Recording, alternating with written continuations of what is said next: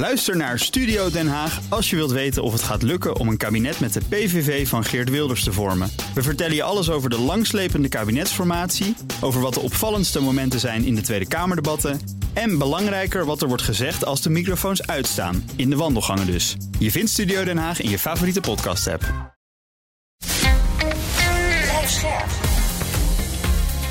BNR Nieuwsradio. Boekenstein en de Wijk. Paul van Liemt. Welkom bij Boekenstein en de Wijk. Op zoek naar de nieuwe wereldorde met Arend-Jan Boekenstein. Een gewone twitteraar of ultimum remedium in je informatievoorziening. En natuurlijk wereldreiziger Rob de Wijk. Dat wil zeggen, Rob, eh, waar zit je nu? Ik zit even in Lindau. Ik ben uh, op weg naar een uh, vergadering in uh, Vaduz. En dat ligt dan weer in, in Liechtenstein. Kijk, maar wel onderweg komende maanden ook. Dus uh, ja, dat is heel jammer voor iedereen. Ik ben de komende maanden, de, de, komende, ja, de komende twee maanden dan moet ik iedereen teleurstellen dat we zeggen: ik uh, maak wel zo lang als het duurt uh, de podcast, maar ik ben wel twee maanden lang letterlijk uit beeld. We gaan praten over de positie, over de positie van Poetin natuurlijk, naar aanleiding van, van de Wagner-opstand. Met de gast Hans van Koningsbrugge. Hij is hoogleraar Russische geschiedenis en politiek aan de Rijksuniversiteit Groningen. Van harte welkom. Russische Bedankt. ministerie van Defensie. Daar laten we nou eens nou mee beginnen. We beginnen met natuurlijk de heer van Koningsbrugge. En we zeggen nu voor de gelegenheid Hans eventjes, dat, dat, dat kan hij gewoon aan winnen. Dat kan ook een beetje tegen de zomertijd. Dat is helemaal geen probleem. Geen probleem, hè? gelukkig maar meneer. Oh nee Hans. Russische ministerie van Defensie beëindigt de samenwerking met, met, met Wagner. Kijk, al die berichten stromen nu achter elkaar naar binnen. En we zien de ene bron naar de andere. En als BBC het meldt, dan denken we ja. Als anderen het melden, denken we zou het zo zijn. Hoe zit het precies? Want Hans van Koningsbrugge weet het. Nou, uh, ja, zover we op de informatie kunnen afgaan. Uh, er ligt natuurlijk een wet die aangenomen is in de Duma. Dat per 1 juli er een contract getekend moet worden door uh, huurlingen, verbanden met het ministerie van Defensie. Dat betekent eigenlijk dat zij onder commando gaan komen van dat ministerie van Defensie. En dat geldt dus ook van Wagner. En dat is ook een van de redenen van de activiteiten van Prigozhin natuurlijk de afgelopen tijd. ja, dus wat dat betreft. Uh, hoe moet ik het zeggen? Wagner in, in Rusland is in ieder geval. Uh, er wordt nog geworven voor Wagner. Dat is wel interessant. Dus ja, de recruteringsbureaus waren. Ja, de recruteringsbureaus waren eerst gesloten, zijn nu weer open. Maar dan kennelijk denkt men dat toch op een of andere manier binnen het uh, reguliere leger te kunnen. We zullen het zien. Maar ja, we zullen het zien. Ja, wat is interessant toch, is. Nou ja, wat interessant is, Paul, is dat bijvoorbeeld in Syrië maar ook in de Centraal-Afrikaanse Republiek, uh, officials van Rusland hebben gezegd van voor, uh, vanaf nu opereert Wagner in jullie landen onder de reguliere commandolijnen van het ministerie van Defensie in, in Moskou. Dus ze houden op als zelfstandige unit daar te bestaan. Ik heb het gevoel dat de Wagner gewoon ontbonden wordt. Ja, want als je op dit ogenblik kijkt wat ja. er gebeurt met betrekking tot de bezittingen van uh, Prigozhin, uh, ja, die worden, die worden feitelijk worden die, uh, genaast. Maar hoe zit het dan met die huurlingen die nog steeds worden geworven? Want inderdaad, de BBC heeft er onderzoek naar gedaan, heeft rondgebeld ja, en overal gaat dat door. Nou ja, misschien wil men de reputatie, genieten van de reputatie, die toch hè, die, die in orde was wat dat betreft. Uh, maar inderdaad, uh, gisteren zijn ook officieren van Wagner in Syrië gearresteerd. Dat is me toch nogal mat. En Poetin heeft zelf gezegd dat alles bekostigd is door de Russische Federatie. Met andere woorden, de façade, wij hebben niks met ze te maken, is definitief verlaten. En dat maakt ook de weg vrij voor ontbinding. Of althans, misschien een deel als reguliere eenheid nog, maar niet meer uh, als onafhankelijk iets. Het is eigenlijk heel onduidelijk. Zo versta je. Mm -hmm. We hebben dus in Oekraïne zitten nog uh, Wagner-troepen, las ik vanmorgen. Uh, in uh, Belarus waarschijnlijk ook. Hoeveel weten we niet. Uh, en het is, het is duidelijk dat Prigozhin dat contract niet getekend heeft. En er is een deel van de Wagner-jongens die zijn kwaad op uh, Prigozhin. Ja. Dus het is echt een totale ja, Natuurlijk. Ja. Want hij was ja, maar, maar kijk, het, het, het, het, is, het, is toch het, het is toch het klapstuk dat je zegt Shoigu en Gerasimov, dat zijn onze vijanden. We gaan ze in Moskou eens een lesje leren, die twee.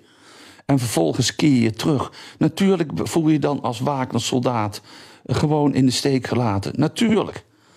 En dan, dan, ja, of je dan doorvecht aan de kant van het ministerie van Defensie, ik betwijfel het ten zeerste.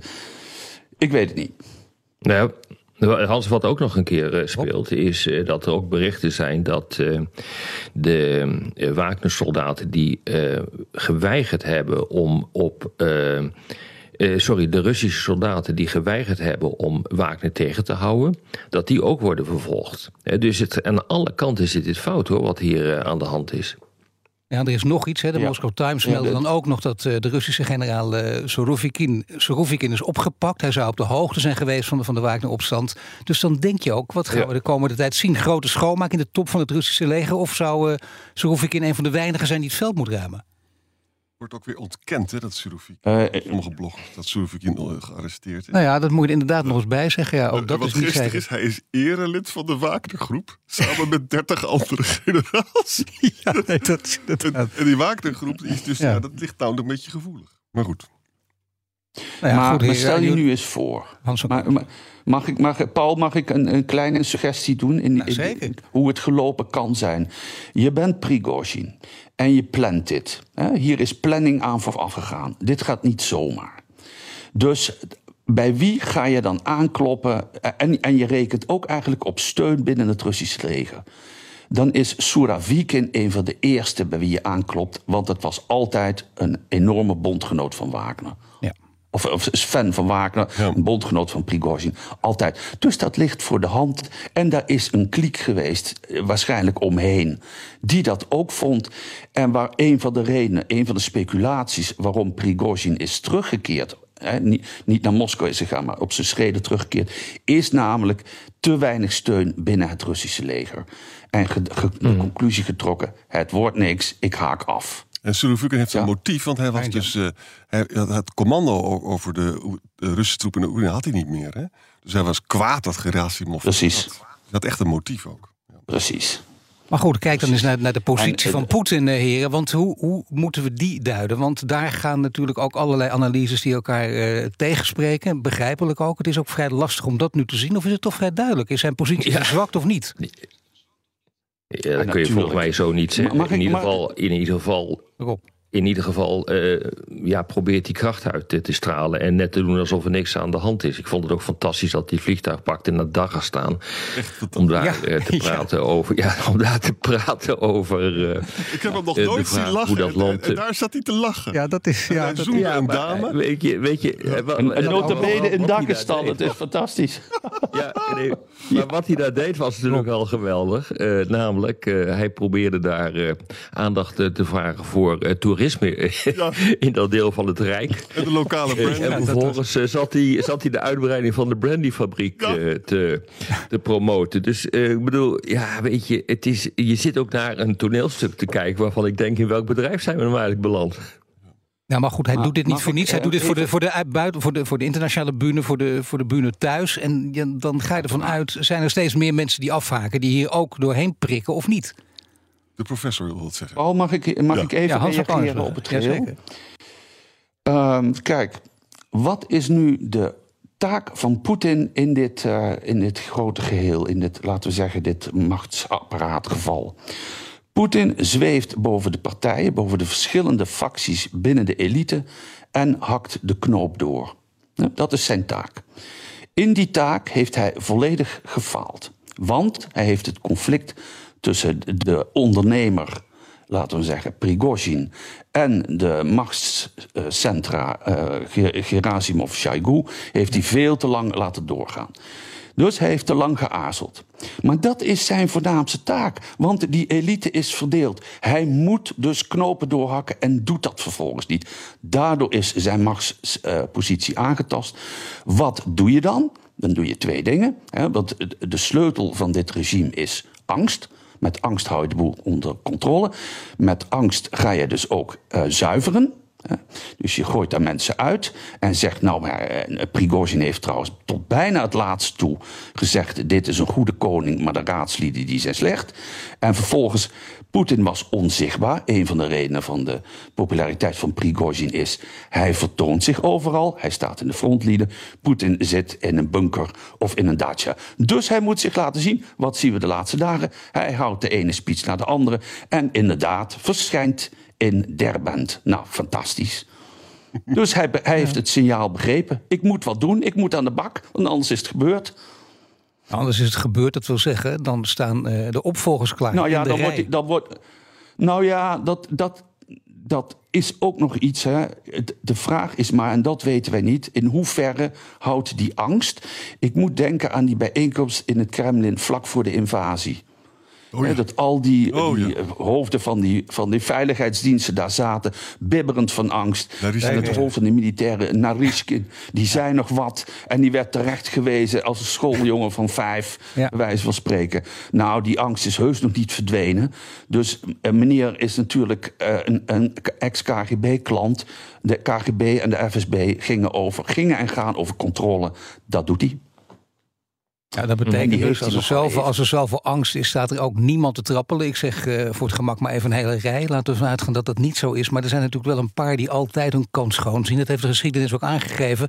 In dit soort situaties, ook al is het allemaal onvergelijkbaar. Is, is er een naam te noemen? Kijk, ik ga nu eigenlijk heel ver, want dit is heel lastig. Maar ik denk, kijk, we praten nu met mensen met enorme contacten die dat wel hebben. Ik geef jullie heel kort even tijd om erover na te denken. En dan horen we een paar namen. Wat zijn de mogelijke opvolgers van Poetin?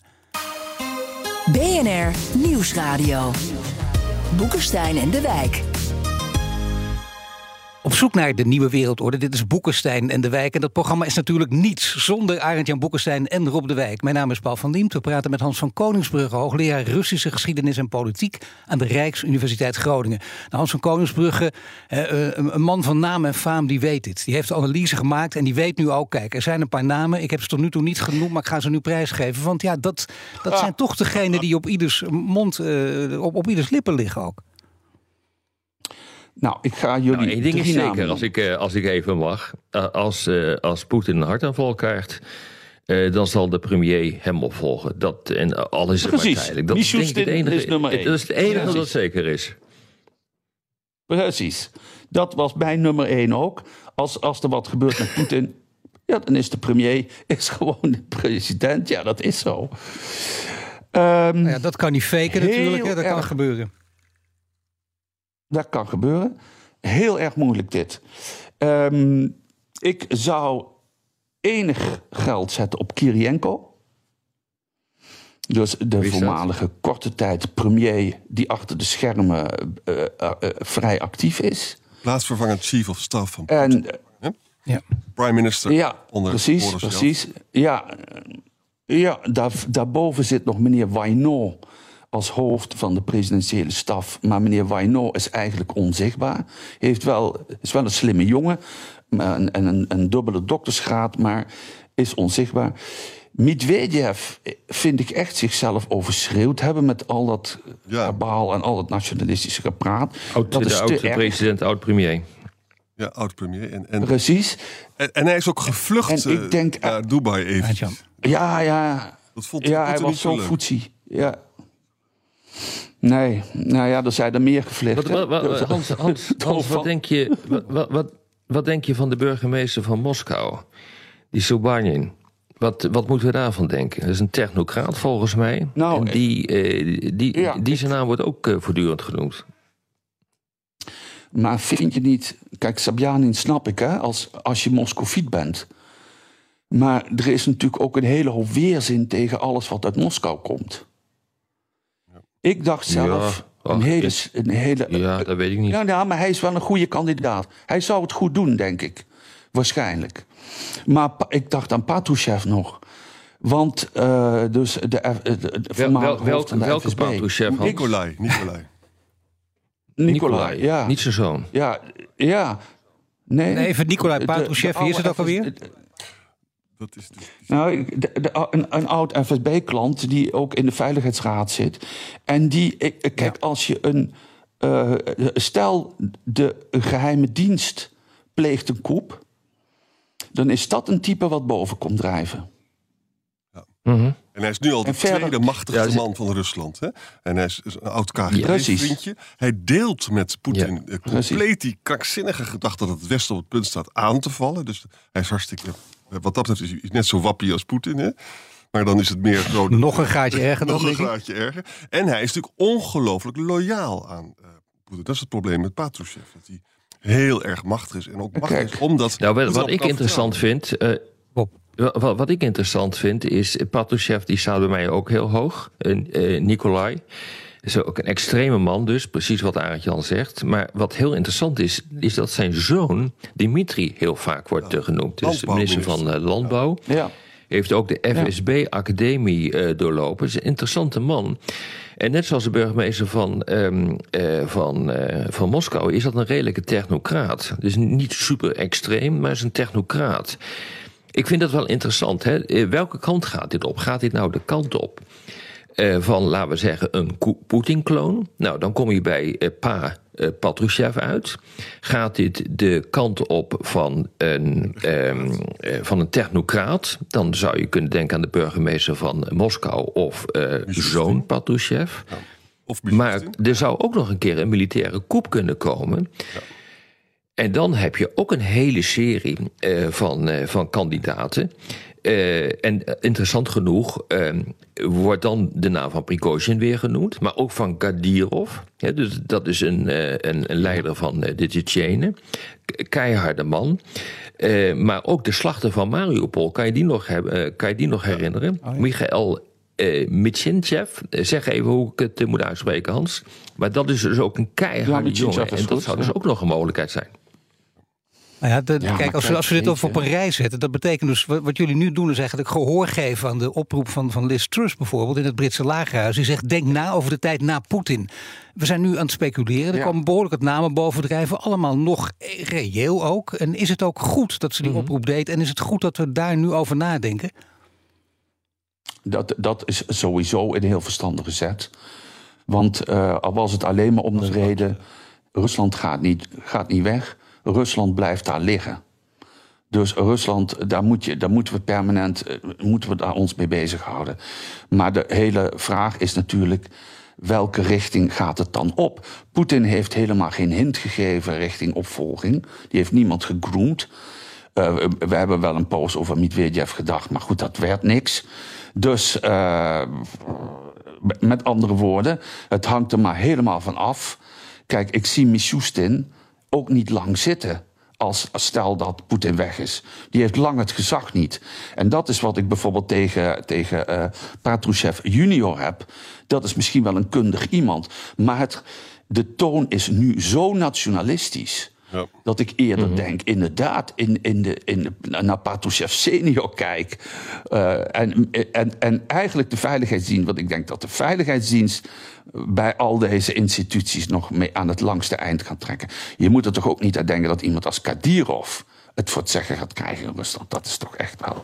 Hij heeft toch te ja, weinig. zijn er echt wel heel ver van huis. Ik heb ook nog twee ja, kandidaten. Ja, ja, ja. Je noemde Kirienko al. Daar zit ik ook over na te denken. Kirienko is een interessante man. Hij is dus de plaatsvervangend kabinetchef van Poetin. Hij zit dus heel hoog in de, in de machtsstructuur. Min, uh, prime minister van Boris Yeltsin. Hoofd van Rosatom. Dat is allemaal niet niks, hè?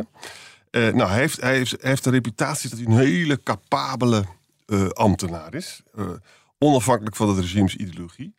Hij kan iemand zijn die, zegt, die weet, hij weet dus hoe waanzinnig corrupt het uh, regime is. Hè, en zich daaraan ergert. En hij was. Vroeger werd hij in het Westen beschouwd als een hervormer. Het lijkt me dus een beetje een, een man die heel goed weet hoe rot de, de, samenleving eigenlijk is. En daardoor, ja. daardoor misschien ook uh, inspiratie kan uitputten. En een andere, met, ja. gok, een andere is, Naris, Narishkin is zo tot op het bot verdedigd voor het oog van de hele wereld door Poetin. Dat als er iemand een motief heeft hij, is, hij is heel verstandig geweest. Want hij heeft direct gezegd: ik sta achter Poetin. Vreselijk die opstand en zo, weet je wel.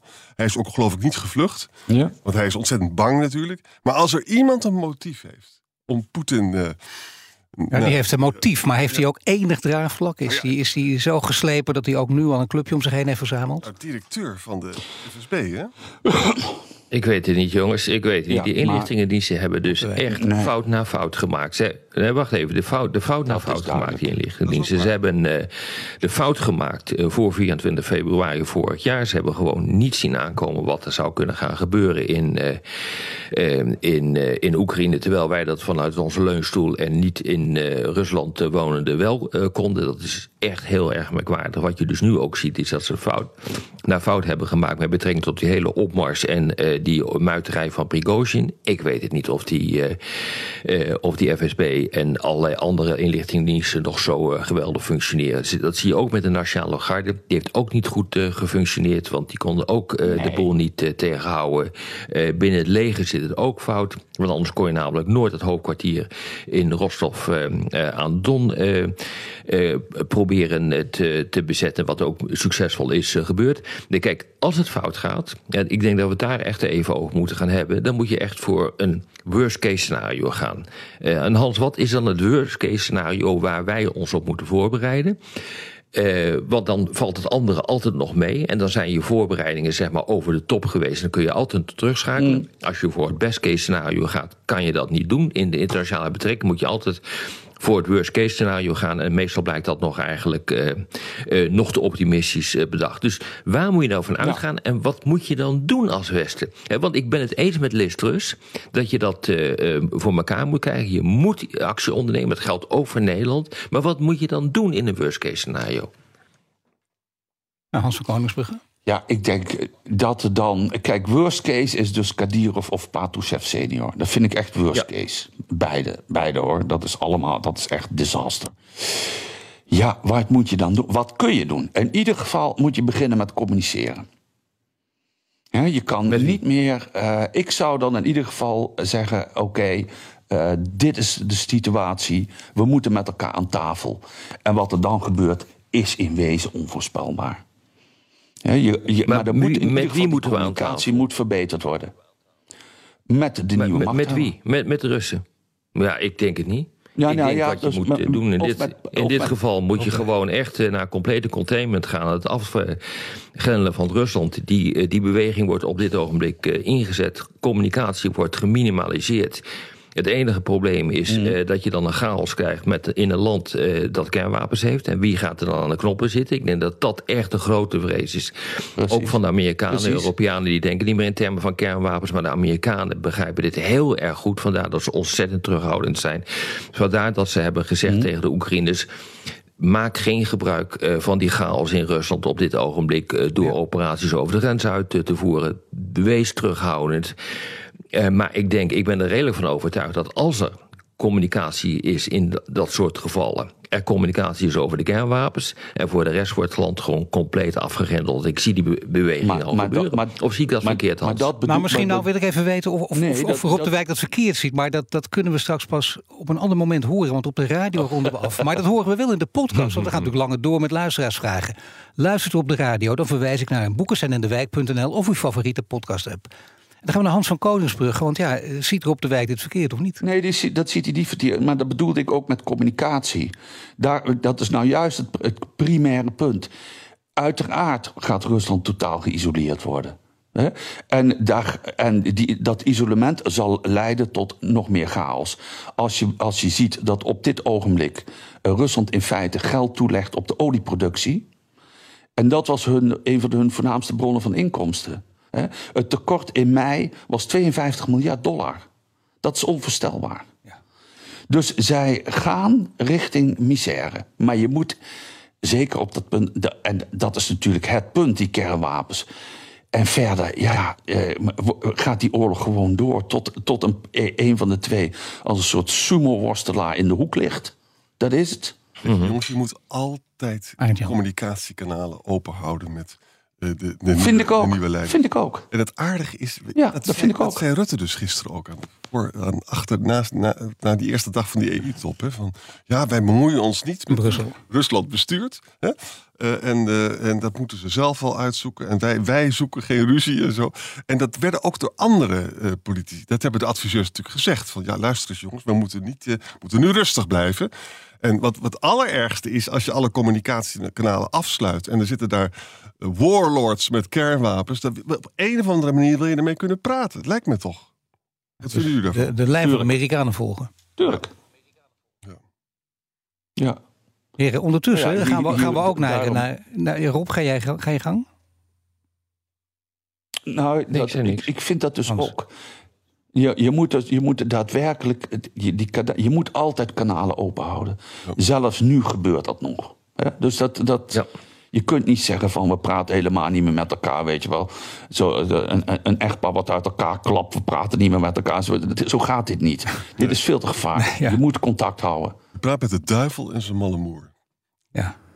Zo is het. Nou, laten we dan even ook naar de geschiedenis gaan kijken. Veel vragen van luisteraars. En, en zoals jullie weten, eh, geïnteresseerde luisteraars. Ook met veel goede vragen. John wil weten. Qua repressie lijkt het Poetin-regime meer en meer op de oude Sovjet-Unie. Maar de communisten hadden een ideologie die deze repressie eventueel rechtvaardigde. En nu is er geen ideologie. Zo'n regime valt dus vroeg of later uit elkaar. Maar zal Rusland daardoor ook uit elkaar vallen? Hans Koningsbrugge? Nou, dat vind ik een hele moeilijke vraag. Dat weet ik niet. Dat weet ik niet. Kijk, het, het, uh, wat zou er dan moeten gebeuren als Siberië weg of zo? Uh, ja, ik heb daar geen voorstelling van. Maar goed, in Rusland kan alles gebeuren. overigens, wat ideologie betreft. Het hangt, Rusland leunt heel erg aan tegen de 19e-eeuwse ideologie van Nicolaas I. Ja. En dat was eigenlijk het tsaar, orthodoxie en wat hij noemde narodnost, volksheid. Maar dat kun je hier vertalen als uh, gemanagede democratie. Als het, uh, laten we dat, of soevereine democratie, met andere woorden, het Kremlin bepaalt allemaal wat hier gebeurt. Er is wel een snipperideologie en het is een soort van mengvorm tussen wat er in de Sovjet-tijd was en uh, na 1990. Um, maar ik, ik, ik zie dat dus wel. Het grote gevaar is natuurlijk dat alles opgehangen is aan één man. En als die man er niet meer is, ja, wat dan? Dat is en het grote gevaar is ook dat Poetin gebruik maakte van soldaten uit het oosten, hè, vaak. Dus die, het vinden ja. dat niet zo leuk dat er zoveel zonen gestorven zijn. Het viel me ook altijd op dat Navalny in het oosten en Siberië ook in slaagde om die politieke partijen te laten samenwerken tegen de Poetin-partij. Dus er is het, mm het, het, is gewoon denkbaar hè, dat, dat deze veel volkeren staat, als Poetin uh, verzwakt, dat hij uit elkaar valt. Maar ja, Hans, nee, Hans twijfelt daar niet voor niet terug naar die, Op. Nog even terug naar die, naar, naar die vragensteller. Die zei van dat het bijna onafwendbaar is dat zo'n uh, land uh, verzwakt en dat de boel in elkaar klapt en dat ja. uh, Poetin weggaat. Dat is dus gewoon niet zo. Statistisch gezien is dat ja. niet zo. We hebben eerder deze week hebben wij een, een aardige discussie geha um, gehad in een van de podcasts waarin we constateerden dat op grond van statistieken je niet kunt zeggen dat zo'n man gaat verdwijnen.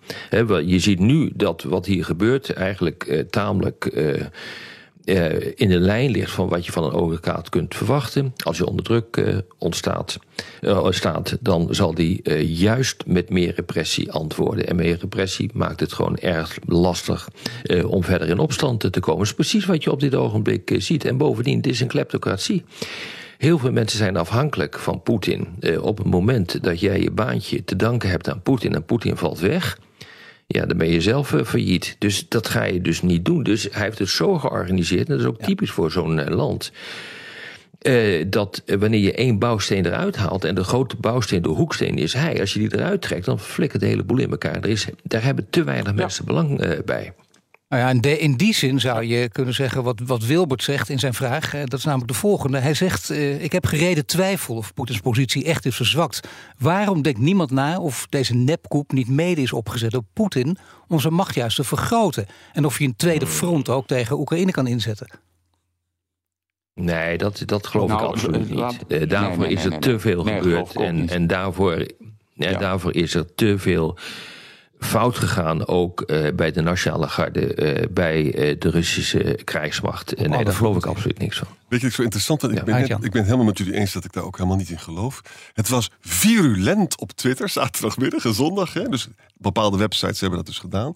En die refereerden aan een gepensioneerde Britse generaal en een gepensioneerde Poolse generaal. Ja, die hadden nog wat aandacht nodig en die riepen dat. Ja. ik vind, ik vind het zo fascinerend. Dat, en het komt ook in onze vragenstellers komt het terug. Het is maar het is een wilde gedachte. Een hele wilde. Is het een wilde of is het gewoon een, een eenvoudige complottheorie? Van mensen die inderdaad denken van uh, ik roep eens wat en dan... Er is kennelijk een grote behoefte aan complottheorie. Ja, blijkbaar wel. Ja, dat zeker. Dat is duidelijk. Hans van Koningsbrugge, kun je het in die hoek zetten? Of is, want er, wat Rob zegt is natuurlijk waar. Er is natuurlijk wel heel veel gebeurd op alle fronten. Dus ja, om, om hier nu aandacht aan te schenken.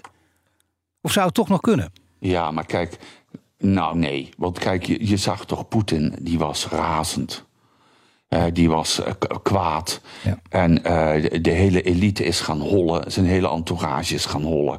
Nou, als het allemaal een vooropgezet plan is, dan gebeurt er niet. Bovendien dat tweede front. Nou, er worden nu in Wit-Rusland worden tussen kampen, drie kampementen gemaakt voor 8000 Wagnerianen, als ze al komen. En that's it. Nou, daar kun je echt geen invasie mee eh, doen hoor, tegen Kiev. Vergeet het maar. Daar heb je wel wat meer nodig. En het Wit-Russische leger is nou niet top, om het vriendelijk te zeggen. Nee, dus ik geloof er allemaal niet in. Nee. Nee. Dan, uh, dan wil Anke het volgende weten. Dat hebben we op de radio een beetje besproken. Maar hier moeten we denk ik even op doorgaan. Ze zegt op welke wijze zou het Westen zich moeten verhouden tot Rusland? En dan gaat het over dat verzwakte Poetin-regime. Is dat beter dan een regime zonder hem? Er zijn meerdere mogelijkheden die we net eigenlijk op een rij hebben gezet. Met name op de radio. En dan denk je, hoe kun je je nu het beste verhouden? Toch echt heel erg oppassen. Wat Rob ook net zei, eigenlijk die Amerika-lijn... is dat gewoon echt eh, belangrijk, dat Europa... wat we ook op de top in Brussel hoorden. Uh, bijvoorbeeld Rutte, die zoals Aart-Jan zei, dat vertelde. Is dat echt de enige houding die je ook nu de komende weken, maanden... op moeten volhouden? Nou, kijk, ik, ik denk dat er één ding ontzettend belangrijk is. Je moet ervan uitgaan uh, dat uh, Rusland, uh, Russische leiders denken altijd in termen van territoriale veiligheid. en, ook, en dat betekent dus automatisch dat je in militaire kracht gelooft. Dat is gewoon echt een, iets wat door de hele geschiedenis heen heeft gespeeld. Je moet nu op dit ogenblik moet je gewoon volop inzetten in het, in, het in goede staat brengen van je collectieve defensie van de NAVO. Dat, ik bedoel, je hebt gewoon geen andere keuze. Dat gaat ook gebeuren over een paar weken in Vilnius, in Litouwen. Daar zal dat gaan gebeuren. je moet niet, als, laten we zeggen, er een regime change is in Rusland, denken dat het allemaal wel weer koekenij is. Want dat is niet zo. Want dat land heeft gewoon een strategische cultuur en denkt op een bepaalde manier. En dat zal dus gewoon weer gebeuren. Dus je moet je geen zand in de ogen laten uh, strooien. Dus dat betekent automatisch dat je dus naar een, um, een, situatie gaat die doet denken aan containment, die we ook tijdens de Koude Oorlog uh, hebben gezien. Alleen veel sterker. Uh, we gaan nog minder relaties, nog minder handelsrelaties aan in, tussen Rusland en bijvoorbeeld de Europese Unie, wat voor Rusland ongehoord stom is, omdat je daarmee feitelijk ook je verdienvermogen aan het als sancties zullen voor lange tijd blijven bestaan. Maar er is natuurlijk altijd de mogelijkheid dat in het Westen landen zwakke knieën beginnen te krijgen. Dat, dat kan niet anders. Maar ik denk dat het onvermijdelijk is om dat te doen. En dat is ook, laten we zeggen, de algemene opinie hoor, die ik hoor ook achter de schermen in de verschillende landen. En daarnaast moet je natuurlijk, uh, en je, daar ben ik het helemaal mee eens met Hans, probeer uh, zoveel mogelijk contacten nog te hebben. Maar met name over hoe manage je dan de chaos en hoe manage je dan met name het probleem van de kernwapens in dat land. Nou ja, uh, voor Hans ook een vraag die door verschillende mensen wordt gesteld. En die wil ik even met name deze ook aan Hans voorleggen. Want uh, de vraag gaat over de Russen. Want hoe kijken zij hiernaar? Want inderdaad, wat Rob zegt, uh, dat kan ook heel nijpend worden. En, en heel stom is het natuurlijk als je dadelijk zelf geen inkomsten meer krijgt. Als de Russen in Rusland worden voorgelogen door de staats-TV, dat weten we. Dat, dat, dat heeft ook effect op veel mensen. Maar hoe staat het met al die Russen die buiten Rusland wonen, die wel toegang hebben tot het nieuws wat hier verspreid wordt? Is er daardoor meer druk, veel meer druk zelfs te verwachten? op die positie van Poetin door deze groep? Hans. Als je buiten Rusland bent, dan ben je in feite een emigré. Dan ben je een emigré. En die emigré's hebben traditioneel heel weinig invloed. Dus daar komt het niet van. Wat je, wat je hebt in Rusland zelf is uh, een massieve cultuur van wegkijken. Zo van, uh, een, gekoppeld aan wantrouwen tegen de staat. En dat is een overlevingsmechanisme in een autocratie. Uh, hetzelfde als je de cultuur hebt van, en dat is een van de redenen waarom die invasie mislukt is en die veiligheidsdiensten faalden, het mooier maken dan het is. Je noemt dat in het Russisch vranjo. En vranjo is, ik kijk weg, ik maak het mooier, eh, maar ik bemoei me er niet mee of zoveel weinig mogelijk. Of ik schrijf een heel positief rapport terwijl ik weet dat het anders is. Heel die cultuur is dus eigenlijk nou ja, je bent bang voor de staat. En daar probeer je mee om te gaan. Nou, die gemiddelde Rus nu, die denkt: uh, oké, het is zomer in Moskou. Uh, ik probeer van het leven te maken wat het is. Elke dag zakt de roebel verder weg. Uh, en ik word iedere dag armer. Ja, dat gaat nu het dagelijks leven bepalen. En daar pas je dus aan aan. En je bent, het, het, is, ook, is het ook apathie of niet? Of is het alleen maar wegkijken? Ja, ja maar Nou ja, apathie. Kijk, als je, een, als, je, uh, als je vrees als centrale element hebt in jouw structuur, dan hebben mensen natuurlijk, die kijken wel uit. En of je dat apathie moet noemen. Ja, maar je, je, je krijgt. Uh, kijk, een kind wat een tekening maakt over de oorlog. Die belandt, uh, hè, de vader belandt in de cel. En dat kind dat belandt in een weeshuis. Ja, dat, dat zijn toch. Ik bedoel, hoe haal je het allemaal in je hoofd? Dus je probeert uit die krankzinnigheid te blijven. En in feite hebben we, en daar zitten we in de Sovjet-tijd eigenlijk weer. De Rus op straat vertelt niet wat hij echt denkt. Dat doet hij thuis aan de keukentafel. Ja, en in 1991 een hele andere situatie met uh, Yeltsin, Gorbachev. Maar toen kwamen ze natuurlijk wel met z'n allen naar buiten. En uh, de, de bevolking kwam naar buiten, toonde dus ja, ook lef en durfde dat ook. Kon het ook anders dan nu, maar toch. Tuurlijk, maar dat kwam omdat jaren daarvoor had Gorbachev gezegd: glasnost. In het, in het Russisch is dat golas, stem. Je mag je stem laten horen. Je kunt eindelijk eens een keer vertellen wat je van dingen vindt. Gevolg was massieve kritiek op het, op het systeem. En, en daardoor kon in 91 konden de, uh, de putschisten ook verslagen worden. Maar nu is dat niet. Dus als je ziet dat je voor een, van bagatel 10 jaar of 25 jaar de cel in moet, kom op. En aan de andere kant zie je dat een koepleger... die mag lekker in Minsk in een hotel bivakeren. Tja, ja. dat is niet meer te begrijpen, denk ik. Zelfs voor de gewone Rus niet. Dus... Uh, ondanks de propaganda. Maar de gewone Rus blijft wegkijken. Ook al uh, zakt die roebel nog verder weg. Ook al uh, wordt het loon nog schaarser en worden ze nog armer. Er is natuurlijk ook een grens aan, aan, aan dat inkomen. En aan wat je aan ja, kan maar en er wil. is geen grens aan repressie.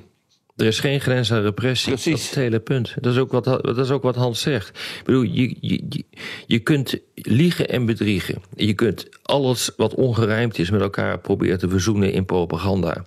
Maar repressie, ik bedoel, wat zou je zelf doen, Ja. eh, Paul? Ik bedoel, uh, als jij, je bent een journalist en je kan niks meer doen, wat ga je dan doen? Kun je wel zeggen, well, ik zou gewoon doorgaan. Maar op het moment dat je inderdaad voor één fout woord de gevangenis in uh, uh, belandt, dan wordt het gewoon echt anders. En uh, dan is het wachten op betere tijden. Tenminste, dat is heel rationeel om te wachten op betere tijden. Nee, dat denk Die ik moet ook. mogelijkerwijs nooit gaan komen. En, Maar eh, goed, is ja. dat, Irak en eh, Noord-Korea en Iran bewijzen ook dat je met de repressie heel lang Ja. ver komt. Hè. Er is één ding, is een Ja. heel simpel model. Zodra de huidige elite, die krijgt zijn geld dus via Poetin. Hè. Als Poetin gedwongen is of gedwongen voelt om de jongens de brood uit de mond te stoten, dan hebben ze niks meer te verliezen. En dan, maar dat zal hij dus niet doen. Hè. Dat is een spelletje wat hij doet, is dat hij verdeelt. Nou ja, de oligarchen om zich heen gewoon rijk houden. Redelijk Ja. rijk genoeg in ieder geval dat ze zich tot hem verbonden houden. En zo lang kan hij dat spel volhouden. Plus die repressie, want dat is inderdaad, die vergelijking is wel goed. Iedereen zou in de spiegel mogen kijken.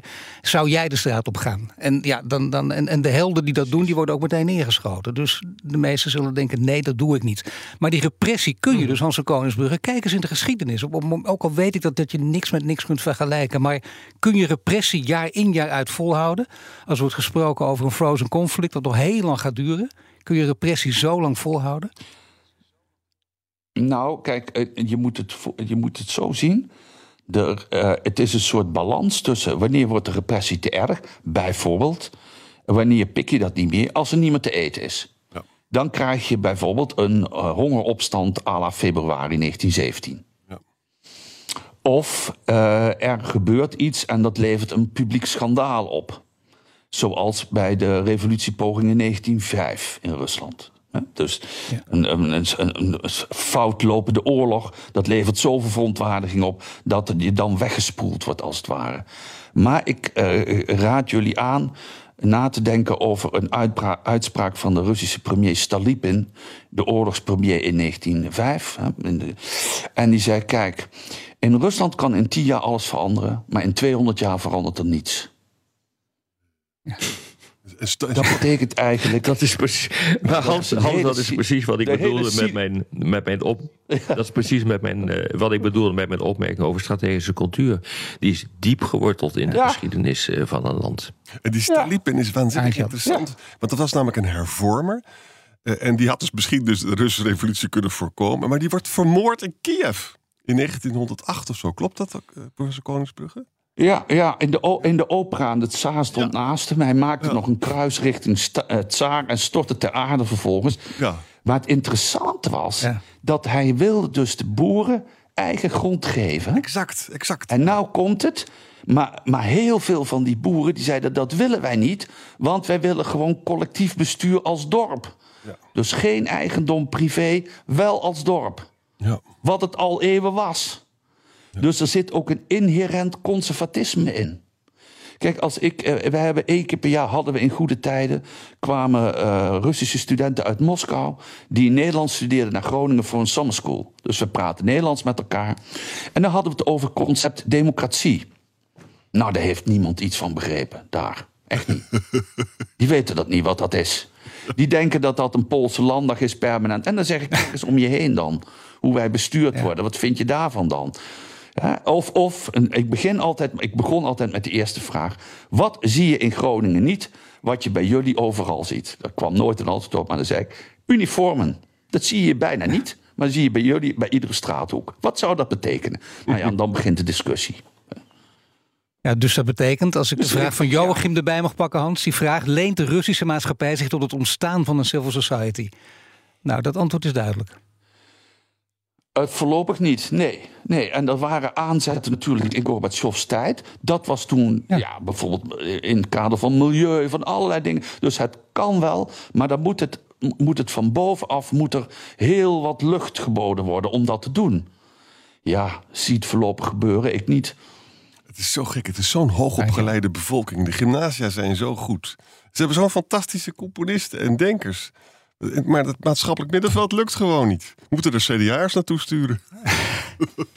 Ja, dat zijn er wel nou, steeds minder. ik, weet je, ik, uh, ik geef nu tien colleges aan, aan, mijn studenten over Rusland als isolementsgeschiedenis.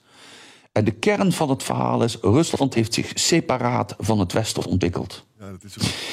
Uh, daar, daar, gaat het over. Kijk, als je dus elementaire waarden als uh, verlichtingswaarden of ideeën van de Franse Revolutie mist, ja, of Renaissance zelfs, hè, dan, ja, dan heb je toch grote problemen. Dan krijg je dit. Dat, iets. En eh, anderzijds natuurlijk, het Westen. Wij denken altijd, we hebben zo'n fantastisch systeem, dat importeren wij, exporteren wij even. Ja, dat, dat gaat ook in het geval van Rusland niet zo eenvoudig lukken. Er is een mooie uitspraak van een Nederlandse ambassadeur in Moskou, die heeft ooit eens gezegd: de grootste fout in het Westen is dat wij denken dat Russen net als wij zijn. Maar als ze paars geschilderd zouden zijn, dan zouden we wel weten dat ze er anders uitzien of anders zijn. Ja, ja, ja. ja. En sommige Russen nou verheerlijken. de kern over. Ja, sommige Russen verheerlijken zelfs de, de Mongoolse wortels. Dat vind ik ook zo interessant. Hè? We zijn niet Westers. We zijn net zo vreed als de, als de Moguls. Hè? Ja, ja, ja, maar kijk, als je ook naar die staatstv kijkt. Het hele, uh, de cultivering van het lijden.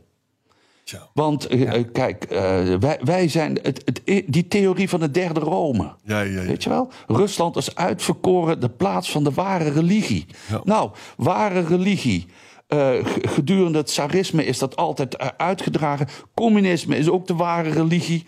Poetin, bij, onder Poetinisme is het weer precies hetzelfde. Lustig is, ja, met uitzondering. Ja. De cultivering van het lijden is heel erg in de Russische literatuur. Maar als je het naar de politiek overhevelt, dan gebeuren er verschrikkelijke ongelukken. Zo is het. Ja, ja. ja en het, het, er is natuurlijk ook geen, geen cultuur van zoals wij polderen. Dat word je natuurlijk af en toe ook eindeloos dol van. Maar er wordt wel gepraat en gecommuniceerd. Dat is daar gewoon niet. Als maar je zegt zo is het, mag ik dan de, de, de, laatste vraag van een paar luisteraars die hierop neerkomt even aan je voorleggen. Die citeren Garry Kasparov, oud-wereldkampioen schaken. Die zegt Poetin is over drie tot zes maanden de macht kwijt. Waar wij over spraken, over speculeerden, over nadachten wie zou hem kunnen opvolgen. Maar denken jullie dat dat ook een redelijke termijn is? Of is dit uh, wensdenken van Kasparov? Nee, dat is gewoon uh, wensdenken. En ik denk wat dat betreft dat we erbij op moeten houden. Uh, dit is gewoon allemaal wensdenken. Het zou kunnen, maar het kan ook niet. Ik bedoel, uh, we hebben denk ik een aardige analyse gemaakt, zo langzamerhand. maar het is denk ik onmogelijk om dat te voorspellen of we moeten een glazen bol hebben. En die hebben we volgens mij niet. Nee, dat denken sommige mensen. Maar het is inderdaad, hierbij is de bevestiging, die hebben gewoon niet. Dit was Boekestein en de Wijk. Namens Aartjan Boekestein erop de Wijk zeg ik dank voor het luisteren. Speciale dank aan Hans van Koningsbrugge, hoogleraar Russische geschiedenis en politiek aan de Rijksuniversiteit Groningen. En een fijn weekend. Ook Bas van Werven vind je in de BNR-app. Ja, je kunt live naar mij en Iwan luisteren tijdens de ochtendspits. Je krijgt een melding van Breaking News. En niet alleen onze podcast Ochtendnieuws, maar alle BNR-podcasts vind je in de app. Download nu de gratis BNR-app en blijf scherp.